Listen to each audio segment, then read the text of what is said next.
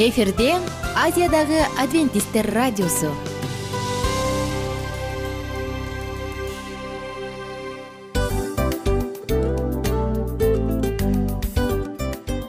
Достор салют.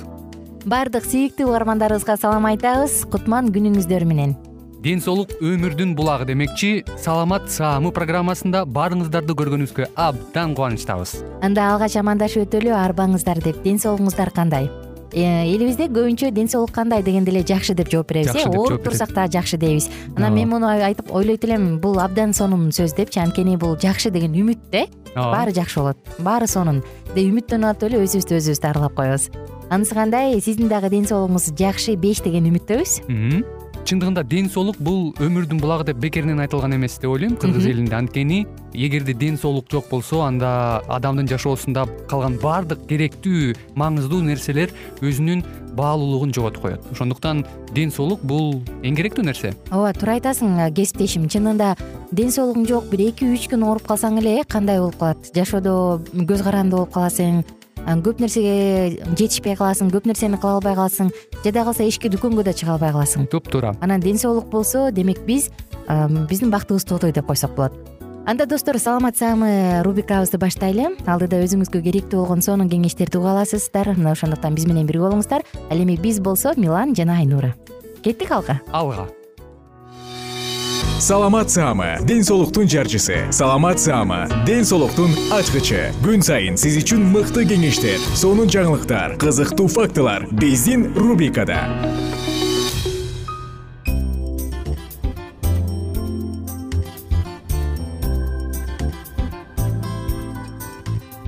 Салам достор айымдар жана мырзалар. Айымдар жана айымдар дегим келип турат. Анткени бүгүнкү тема абдан деликаттуу темалардын бири аял затына айымдарга эң эле чоң тиешеси бар. Бүгүнкү темабыз төш эмчек деп аталат. Төш же болбосо эмчек достор сиздер менен кайрадан саламат саама рубрикасындабыз. Аты жөнүм кызматта өтүп жаткан мен айнура миназарова. Көбүнчө биз денебиздин баардыгын тең ой мындай жөнөкөй кадыр эсе кабыл алып калганбыз. Бирок биздин денебиздин ар бир мүчөсү өзгөчө жаратылган жана өзгөчө функцияларды аткарат. Ошондой эле аял затынын төшү дагы эмчеги дагы көптөгөн секреттерди камтыйт. Мына ошондуктан бул тууралуу биз алдыда кененирээк сөз кылып берели. Эмчек төш аял затынын символу жана аял затын сексуалдуу көргөзүп турган орган ошондой эле кичинекей ымыркайды тамактандырган орган. Аял зат үчүн анын төшү эң эле чоң мааниге ээ бул бир гана сырткы сулуулуктан тышкары анын саламаттыгы дагы. Эгерде ал өзүнүн саламаттыгына жакшы кам көрбөсө анда аял затын өлүмгө алып келе турган ооруларды пайда кылат. Мына ошондуктан достор бул тууралуу биз алдыда кененирээк сөз кылалы. Чоң кыздардын эмчеги майдан сүт бездеринен байланыштыруучу ткань катары эсептелген коллагенден турат.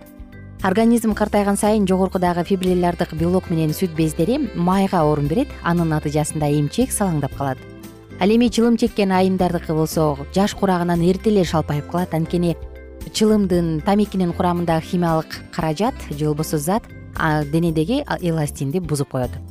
Нью йорктогу специалисттер мындай дешет достор. Эгерде аял дайыма көмкөрөсүнөн жатып уктай турган болсо жана анын төшү чоң болсо анда сөзсүз түрдө бул эмчектин формасынын өзгөрүшүнө алып келет дейт. Албетте бул жакшы жагына эмес а тескери жагына мына ошондуктан эгер мүмкүнчүлүгүңүз болсо чалкаңыздан же капталыңыздан жаздык жазданып уктасаңыз өзүңүздүн төшүңүздүн сулуулугуна кам көрө аласыз. Кээде мындай да түшүнүк бар. Канчалык тыкыз чоң мындай тим эле астын көтөрүп турган бюзгалтер тагынса ошончолук биз эмчектин шалпайып калышын алдын алабыз деген. Бирок бул туура эмес түшүнүк. Анткени көп көп адамдар изилдеп чыгышыптыр да бюзгалтердин эмчектин түзүлүшүнө эч кандай тиешеси жок экенин дагы айтышкан андан көрө достор эгерде сиз төшүңүздүн келбеттүү болушун кааласаңыз анда моюнду өйдө көтөрүп түз кармаңыз жана осанканы түз кармаңыз. И баса бюзгалтер жөнүндө айтсак анын тарыхын бир миң сегиз жүз сексен алтынчы жылы англияда пайда болгон биринчи эле жолу бул аял затынын төшүнүн жакшыртыш үчүн атайын ойлоп чыгышкан мына дал ушул жерден аны бюзгалтер деп аташкан. Ал бюзгалтерлердин формасы кандай эле? Ал кадимки эле эки чайга чайдын жанагы торчолору бар эмеспи? Дал ушул торчолоруна окшош болчу. Анан бири бирине кичичке лента менен гана байланыштырылган дешет. Кызыктардын баардыгын андан ары уланталы тилекке каршы аял затынын сексен пайызы өзүнө чак келбеген размердеги бюзгалтер тагынышат экен булардын баардыгы белдин оорушуна жана тамак сиңирүүнүдө бузулушуна алып келет дешет. Ошондуктан өзүңүздүн көлөмүңүздөгү эле бюзгалтер тагынганыңыз жакшы. Дагы бир жолу кайталайын бел оорусуна жана тамак сиңирүүдө ар кандай көйгөйлөргө алып келет. Дагы бир факт айтсак колумбия университетинин специалисттери адистер муну изилдеп чыгышкан. Аял затынын төшү бир ай ичинде бир нече жолу өзгөрөт дейт. Бул айыз маалы келэрде же болбосо келгенден кийин мына ушул учурларда бир нече жолу өзгөрөт экен. Менструация келип бүткөндөн кийин аял затынын төшү жумшак жана жылмакай боло түшөт экен баягы мурунку күндөргө караганда. Ал эми айыз маалынын ортосунда ал өтө эле сезимтал келет экен дагы анын учундагы үрпү дагы өтө эле сезимтал болот экен.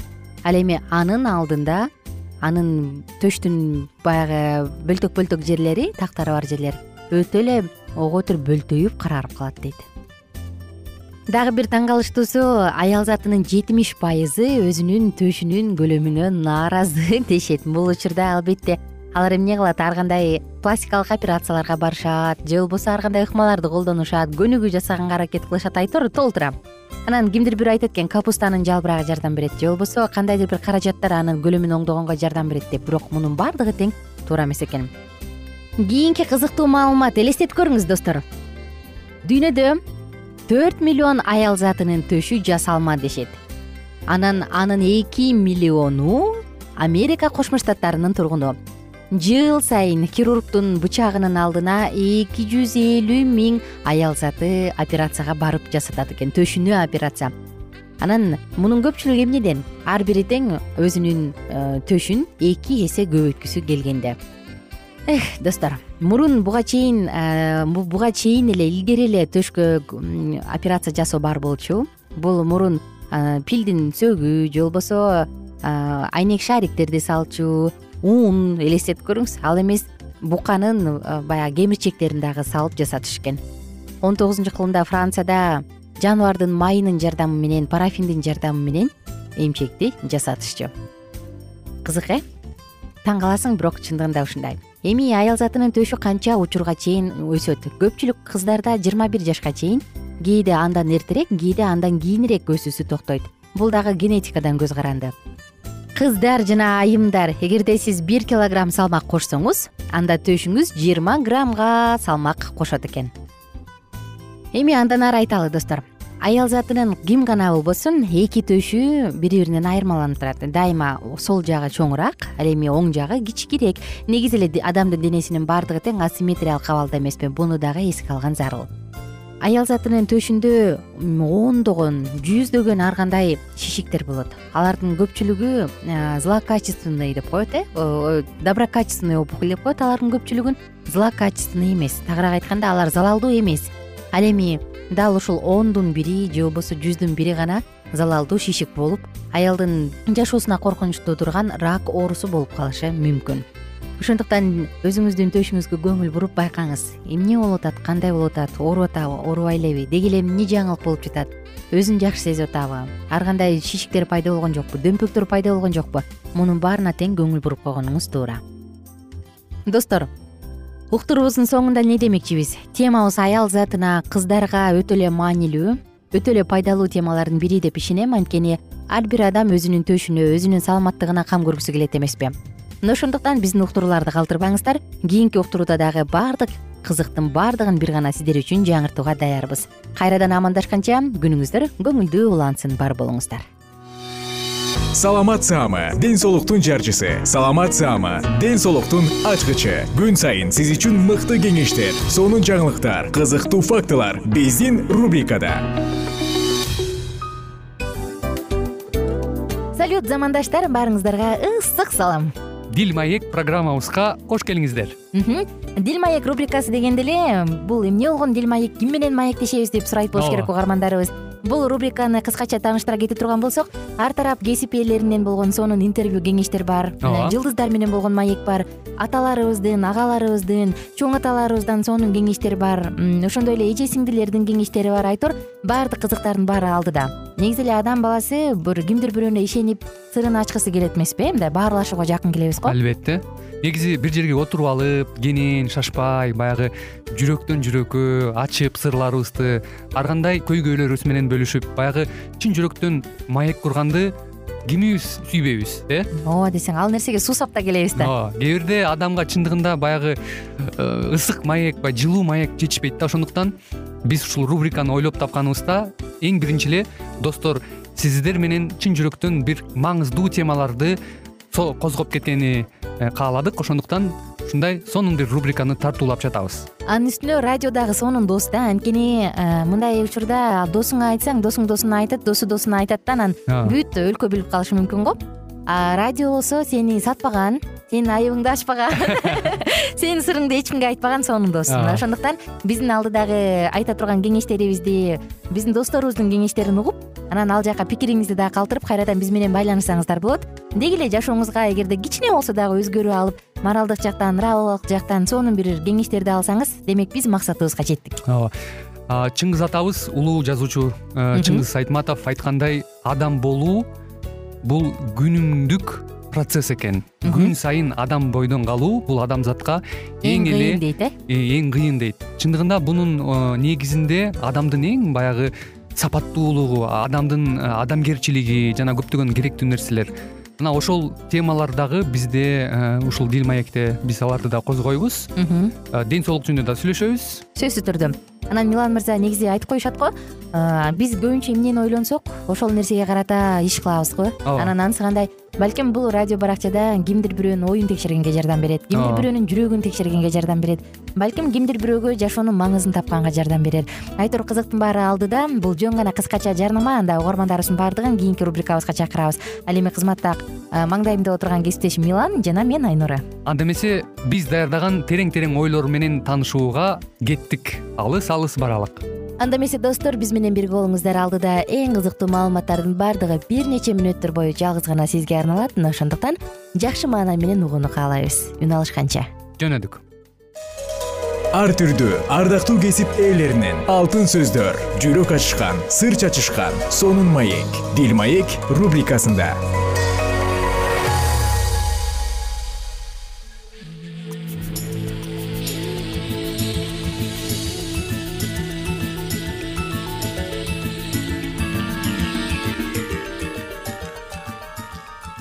кутмандуу күнүңүздөр менен кымбаттуу радио угармандарыбыз кайрадан эле сиздердин назарыңыздарда бактылуу никенин баалуу эрежелери аттуу программабызда кездешип жатканыбызга өтө кубанычтабыз.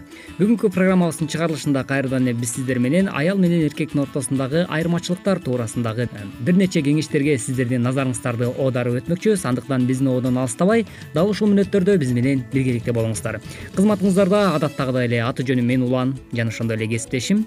Жана мен асель. Саламатсыздарбы ал эми биз болсо программабызды баштайбыз. Э, үйдүн куту болуп үй бүлөнүн очогун бекем кармап э, кичинекей мамлекетти э, сактап турууда аялдардын ролу деги эле өтө чоң экендиги баардыгыбызга маалым. Бирок көпчүлүк аялдар бул нерсени билбестик менен ар кандай каталарды кетирип үйдөгү уруштун очогун дагы тутандырып жиберишет экен алар кандай каталарды кетирип жаткандыгын бүгүнкү айтылган радио маегибиздеги кеңештерди өзүңүздөрдүн жашооңуздарда колдонуу аркылуу аракет кыласыз деген үмүттөбүз андыктан биз менен биргеликте болуңуз. Биринчи ката. Эгерде үй бүлөдө аял лидердин же апанын ролунда болуп эркекке баласындай мамиле жасаса анда эркектин ага болгон сексуалдуулугу жоголот анткени эркектин оюнда апа жана секс эки башка нерсе апа бул сүйүү үчүн ал эми секс үчүн башка аялды издешет. Аял кыз жана апанын айкалышуусу андыктан аял заты дайыма назик алсыз болуп туруусу шарт эркектер жанындагы аялынын алсыз болушун каалашат. Ал эми өзүн лидер же апа катары көрсөткөн аялдардын арты ажырашууга алып келет экен демек ардактуу айымдар жана мырзалар бул нерселерди эске алуу менен биргеликте дагы бүгүнкү айтылган баардык кеңештер сиздердин жашооңуздарда өзүнүн мыкты керемет э, жемишин бере берсин деген тилегибиз менен сапарыбызды уланта бермекчибиз. Экинчи ката. Аялдар эркектин анын оюндагыдай болбой жаткандыгын көп билдиришет. Алардан жоопкерчиликти күтүшөт. Ар дайым сен жалкоосуң сен акча таппайсың же чечкинсизсиң деп айта беришет ушундай позицияда айтылган сөздөр эркектин көңүлүн калышына алып келет. Негизи эркектер жоопкерчиликти сүйбөгөн жандар. Аларга мен сага капа болдум же мен сага ишенем деген жакшы сөздөрдү айтуу менен жоопкерчиликти өзүнө алдырса болот.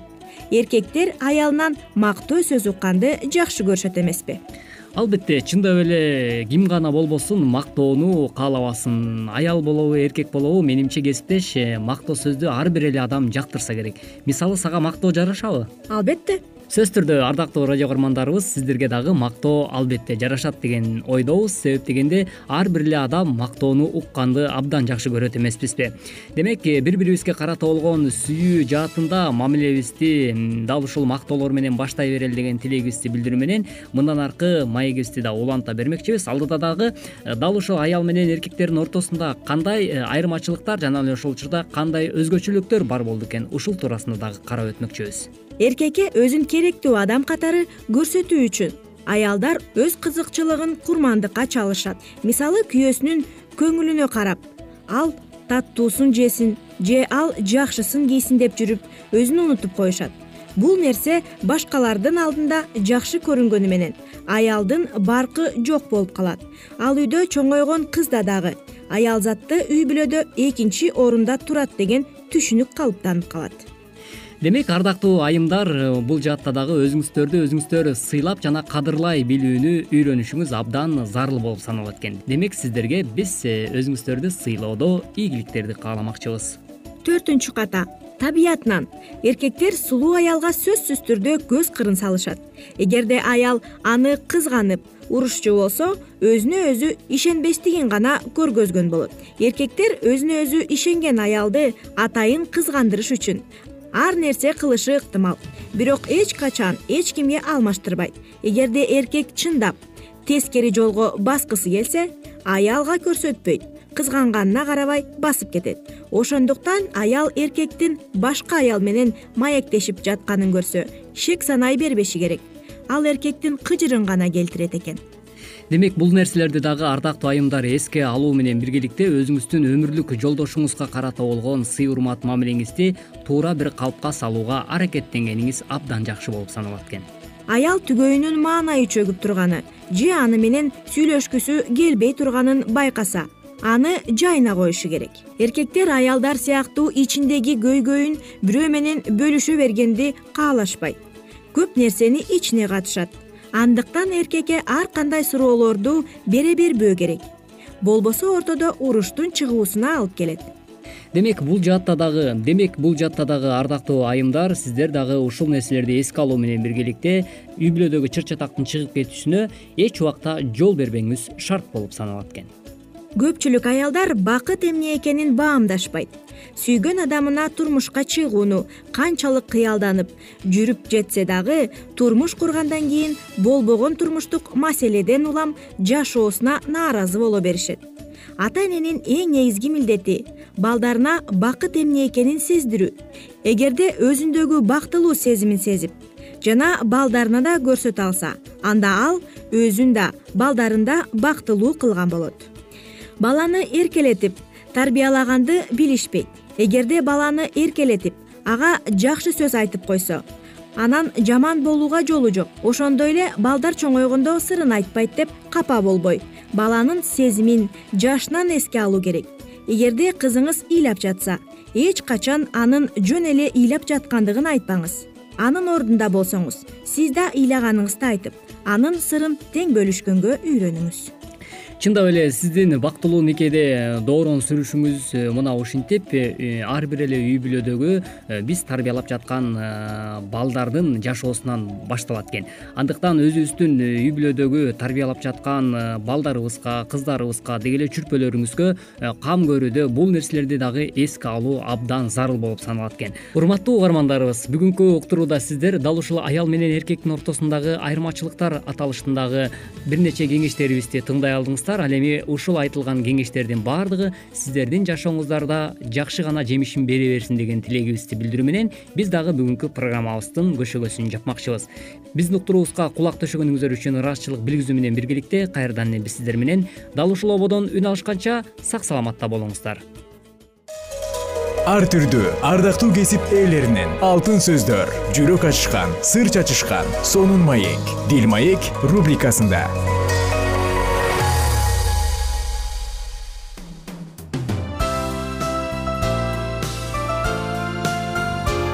эфирде азиядагы адвентисттер радиосу.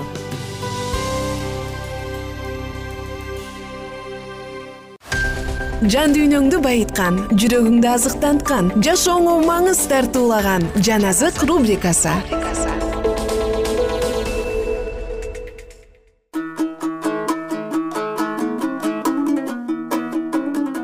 саламатсыздарбы айымдар жана мырзалар. Жан азык рубрикасына кош келиптирсиздер эмесе сиздер менен бүгүн кайрадан куткарылуу тарыхы деп аталган сонун китепти улантабыз. Алтынчы бап. Мыйзам. Синай тоосунда жарыялаган кудайдын мыйзамы.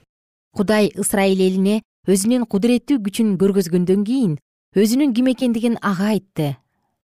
Сени египет жеринен кулдуктан чыгарган теңир сенин кудайың менмин египеттиктердин алдында өз күчүн жана даңкын көргөзгөн кудай теңир эми мындай деп өз мыйзамын жарыялайт. Менин алдымда сенин башка кудайларың болбосун. Асмандагынын жердегинин жерден төмөн суудагы эч нерсесин сүрөттөп жасалма кудай жасаба. Аларга жүгүнбө да кызмат кылба. Анткени теңир сенин кудайың мен мени жек көргөндөрдүн балдарын аталарынын күнөөсү үчүн үчүнчү төртүнчү тукумуна чейин жазалаган кызганчаак кудаймын. Жана мени сүйгөндөр менен менин насааттарымды сактагандардын миңинчи тукумуна чейин ырайым кылуучумун. Теңириңдин өз кудайыңдын ысымын жөн эле атай бербе. Анткени курулай эле анын ысымын чакыргандарды теңир жазасыз калтырбайт ыйык кармап ишемби күндү эсте. Алты күн иштеп бардык жумушуңду бүткөр. Ал эми жетинчи күн теңирдин кудайыңдын ишемби күнү. Ал күнү өзүң да балаң да кызың да кулуң да күңүң да малың да үйүңдө жүргөн келгин дагы эч жумуш кылбасын. Анткени алты күндө теңир асманды жерди деңизди жана аларда жашагандын бардыгын жаратып бүткөн ал эми жетинчи күнү тыныгып эс алган. Ошондуктан теңир ишемби күндү алкап аны ыйык кылып койгон. Теңириң өз кудайың сага арнаган жердеги жашоо күндөрүң узун болуш үчүн атаң менен энеңди сыйлап эстеп жүр. Киши өлтүрбө. Бузуктук кылба. Уурдаба. Жакын кишиңе жалаа жаап жалган күбөгө өтпө жакын кишиңдин үйүнө көз артпа. Жакын кишиңдин аялын кулун күңүн өгүзүн эшегин жакыныңда эмне болсо эңсеп ач көздүк кылба теңир айткан биринчи эки осуят бутка табынуучулуктан сактап турат. Анткени бул элдерди кудайдын эркине каршы чыгып жаман күнөө кылууга алып келген жана бул жосундар адамдарды курмандыкка чалуу менен коштолгон.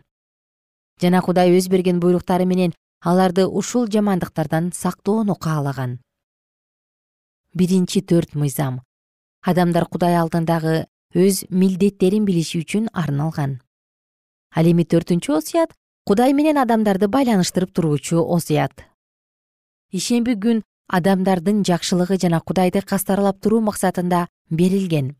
Калган алты осуят адамдардын өз жакындарына кыла турган жакшы мамилелерди туюндурат ишемби күн кудай менен анын элинин ортосундагы түбөлүктүү белги болуп калышы керек. Бул жашоодо мындайча көрүнө алат. Ким ишемби күндү ыйык кармана турган болсо анда алар чыныгы тирүү асман менен жерди жараткан кудайга табынып жатышкандыгын далилдешет. Ишемби күн кудайга ишенген адамдар жерде канча мезгил жашай турган болсо ошончо мезгил кудай менен анын элинин ортосундагы жышаан белги болуп санала берет. Бүт эл күркүрөгөн чагылган менен жалынды сурнай тартылып түтөгөн тоону көрдү. Ошону көрүп эл кетенчиктеп оолактап туруп калды. Жана мусага айтышты. Биз менен сен сүйлөш. Биз сени угалы. Бирок тукум курут болбос үчүн кудай биз менен сүйлөшпөсүн анан муса элге айтты. Коркпогула кудай силерди сынаганы келди. Күнөөгө батпас үчүн кудайдан коркконуңар жүзүңөрдөн көрүнүп турсун үчүн келди калайык оолак турду ал эми муса кудай турган караңгы булутка кирди. Жана теңир мусага айтты. Ысрайыл уулдарына мындай деп айт. Мен асмандан туруп силер менен кандай сүйлөшкөнүмдү көрдүңөр. Кудайдын синай тоосунда өз кудурети менен келиши жана анын келишиндеги болгон жер титирөө күн күркүрөө жана чагылгандын чартылдашы элге коркунуч туудуруп кудайдын касиеттүү кудуретине жана баш ийүүгө түрткү болду жана алар артка кечендиктешти антпесе алар кудайдын кудуреттүү даңкын көтөрө алышмак эмес. Бутка табынуу коркунучу. Кайрадан кудай ысрайыл уулдарын бутка табынуучулуктан коргоо максатында аларга мындай деп кайрылат.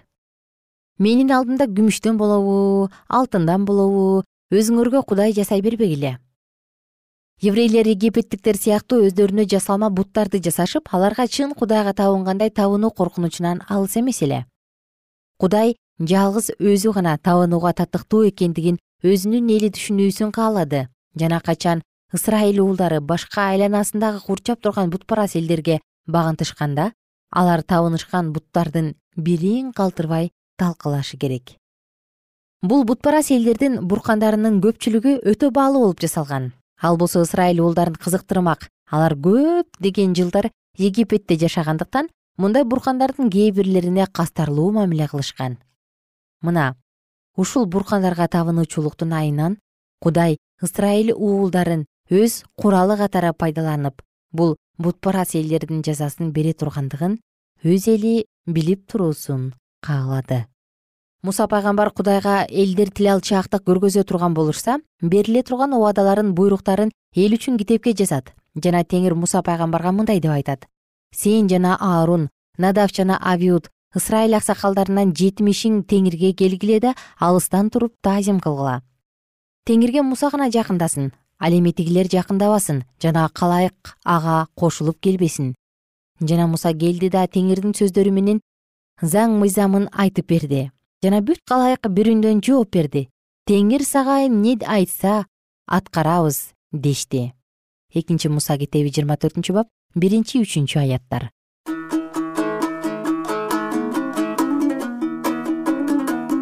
Кымбаттуу достор мынакей сиздер менен бүгүнкү уктуруубуздун дагы соңуна келдик.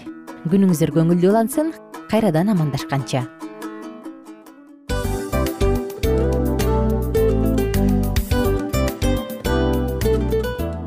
достор биздин радио баракчаларыбыз соңуна келди. Демек бул программабызды дагы жыйынтыктачу учур келдик. Учурга келдик. Анан кесиптешимден сурагым келип турат. Негизи эле иштин башталып атканы кубандырабы сени же жыйынтыгы кубандырабы албетте жыйынтыгы. Себеп дегенде сен кылган ишиңдин жыйынтыгын көрүп э, баягы мөмөсүн көрүп дегендей жыргайсың жүрөгүң жемишинен татып э? Кандай даамдуу деп. Баягы буудай сепкенде эмес буудай эгинди жыйнагандан кийин ысык нанды жегенде кадимкидей ырахаттанасың го. Ой айтпа туура айта кеттиңиз. Сонун салыштыруу болду анан мен дагы абдан кубанып турам анткени биз угармандарыбыз үчүн аябай эмгектенип келген уктуруубуздун соңуна келип калдык анан эми уктуруубуздун соңунда угармандар кандай пайда алып калды экен деп күтүп турам да. Балким э, менин жашоомо өзгөрүү киргизе турган сонун сөздөр болду. Мен ушул нерсени изилдеп анан кабыл албасам ушул нерсени кылбасам деген чечим чыгарсаңыз анда биз абдан кубанычтабыз. Сөзсүз түрдө. Андыктан кийинки биздин кызыктуу уктурууларыбыздан көрүшкөнчө сак саламатта калыңыздар чыдамсыздык менен сиздерди мен милан жана кесиптешим айнура күтөбүз. Баардык угармандарыбызга ийгиликтүү күн каалайбыз. Качан гана болбосун уртуңуздан жылмаюу кетпесин үйүңүздө көмүр жүрөгүңүздө көңүл болсун дейли